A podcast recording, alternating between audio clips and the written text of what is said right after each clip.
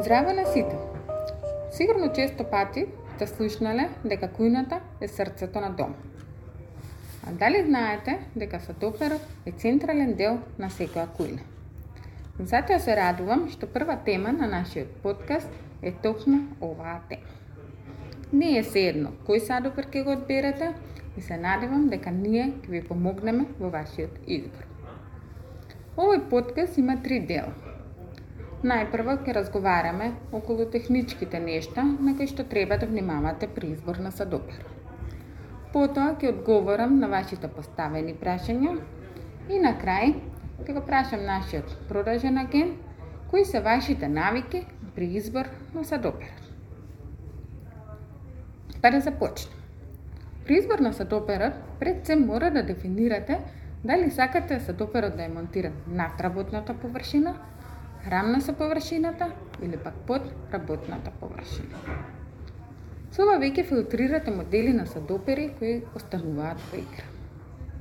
Следен чекор е да се консултирате со изведувачот на вашата кујна, која е димензијата на елементот на кој ќе биде поставен садопер. Округлите мали садопери се секогаш во игра, без разлика дали станува збор за помала или поголема кујна. Но според распоредот, ќе видите дали имате простор за поголем садопер со едно или две корита. Доколку имате навика за редовно конзумирање на овошје и зеленчук, мој совет е да одберете садопер со две корита, без разлика дали моделот ќе биде со симетрични или асиметрични корита. Понатаму, треба да имате на ум дека доколку имате кујна со лајсна, Длабочината на садоперот не треба да надминува 520 мм. На крај, од кога ќе ги решите овие технички чекори, останува да одлучите дали садоперот ќе биде иноксен или гранит. При избор на иноксен садопер, секогаш внимавајте истиот да е изработен од инокс 1810, кој е лесен за одржување, отпорен на агресивни киселини и најважно да има константна форма, односно да не реагира на висока температура и силен притисок. Дорека па, при избор на гранитен садопер, мора да внимавате истиот да изработен од 80% гранит, доколку сакате да ги уживате неговите карактеристики. На пазарот постојат многу садопери кои се под назив на гранитен садопер, а се изработени од други вештачки материјали, кои во суштина се многу понежни од природниот гранит. Садоперите со природен гранит се карактеризираат со пријатна структура, висока отпорност на гребење и секако отпорност на топлина. Лесни се за одржување, сакат премачкување со цитрусни овошја и никогаш не ја менуваат својата боја. Од тука ќе се навратам на вашите прашања, затоа што повеќето прашања беа поставени токму со одржување на гранитните садопери. Прво прашање. Како да се исчисти бел садопер? Тоа што садоперот е бел, не значи дека му треба посебна нега, посебно доколку станува збор за гранитен садопер. Сите гранитни садопери бараат иста нега. Тука имаме малка поголема видливост на бигор кај црниот и антрацитниот садопер, но негата е иста. Така како кај белите, така и кај останатите бои на садопер. Она што може да се јави како така наречен проблем кај белиот садопер е доколку тој не се употребува и на него може да се налепи видлива количина на прашина. Но и тој проблем се решава. Ние имаме едно видео на профилот како садопер кој е поставен како експонат во салонот ја има сменато својата боја, но со средството на франке се враќа во првобитната боја. Второ прашање. Дали гранитните сатопери со отпорни на топлина, удари и бои, вино сок и слично? Гранитните садопери не треба и не смеат да ја променат својата боја, ниту пак да упијат боја од храна. Токму тоа е нелинивната карактеристика. Така да, доколку садоперот упие боја, најверојатно станува збор за друг композитен тип на садопер. Следно прашање. Кој материјал е најлесен за одржување? Не можам да одговарам баш на ова прашање затоа што не гледам причина за посебна тешкотија на одржување на садоперите. На нашиот Инстаграм профил имате видео за одржување на гранитен, како и на иносен садопер.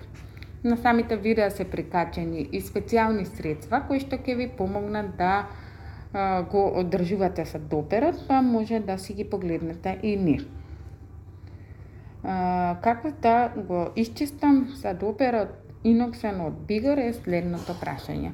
А, доколку веќе има видлива количина на бигор, она класично, да речам, чистење на садопери е прв чекор, да не речам совет од нашите баби, ќе го премачкате садоперот или со сода бикарбона или со цитрусно овоше, за да се нели одлепи првичната насобрана количина на бигор. Вториот чекор е да го премачкате садоперот со специјално средство за чистење на иноксни садопери. Го ставате средството да делува, пребришувате со вода и крпа и тоа е тоа. Значи, тие средства имаат заштитен слој од бигор и со тоа ќе спречите понатамошно секојдневното ложење на бигор.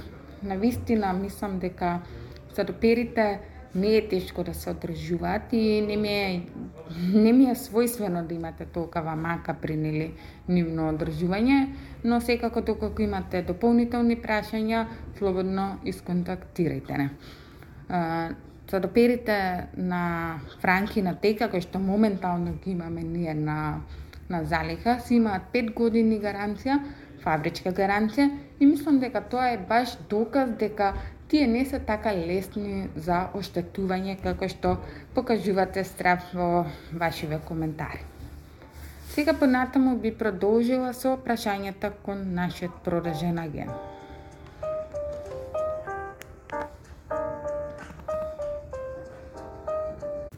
Здраво, Камелија. Може ли да започнеме?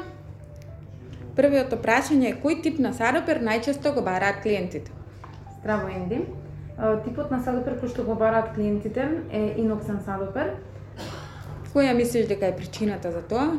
Причината за тоа мислам дека е иноксниот садопер е полесен за одржавање или пак така клиентите мислат дека е полесен за одржавање, за разлика од гранитниот садопер, затоа што кај нас водата е потврда, па остава повеќе креч, можеби затоа го избегнуваат гранитниот, меѓутоа со редовно чистење гранитниот садопер секако дека е подобар за разлика според мене барем за разлика од иноксниот.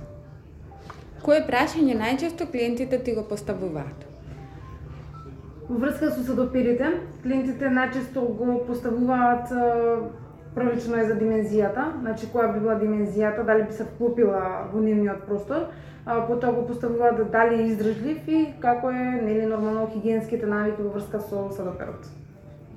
Дали клиентите при купување внимаваат на тоа садоперот да биде леп или десен?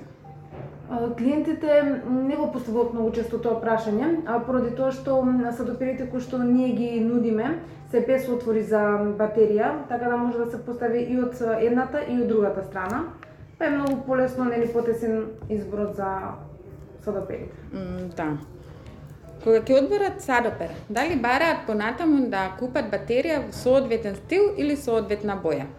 А, да, клиентите се почесто го бараат тоа, значи се почесто бараат самиот садопер да биде, да речеме, ист или сличен со батеријата или батеријата да одговара на самиот садопер и на целата нели околина околу. Да, да. А, за крај, кој е твојот совет за сите оние кои што се во потрага по нов садопер?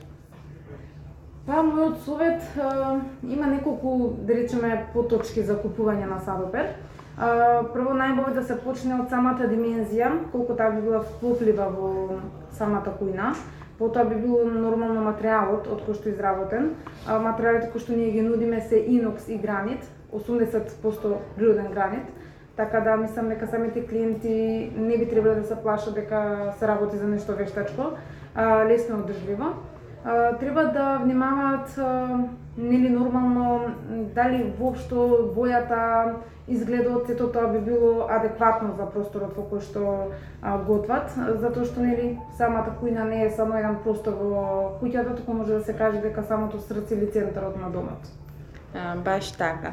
Ти благодарам многу на вниманието, на времето и се надевам дека пак ќе ни бидеш гостин во нашиот подкаст. Ви благодарам на вас за Ви благодарам и вам за времето кое што го одвоивте да не слушнете.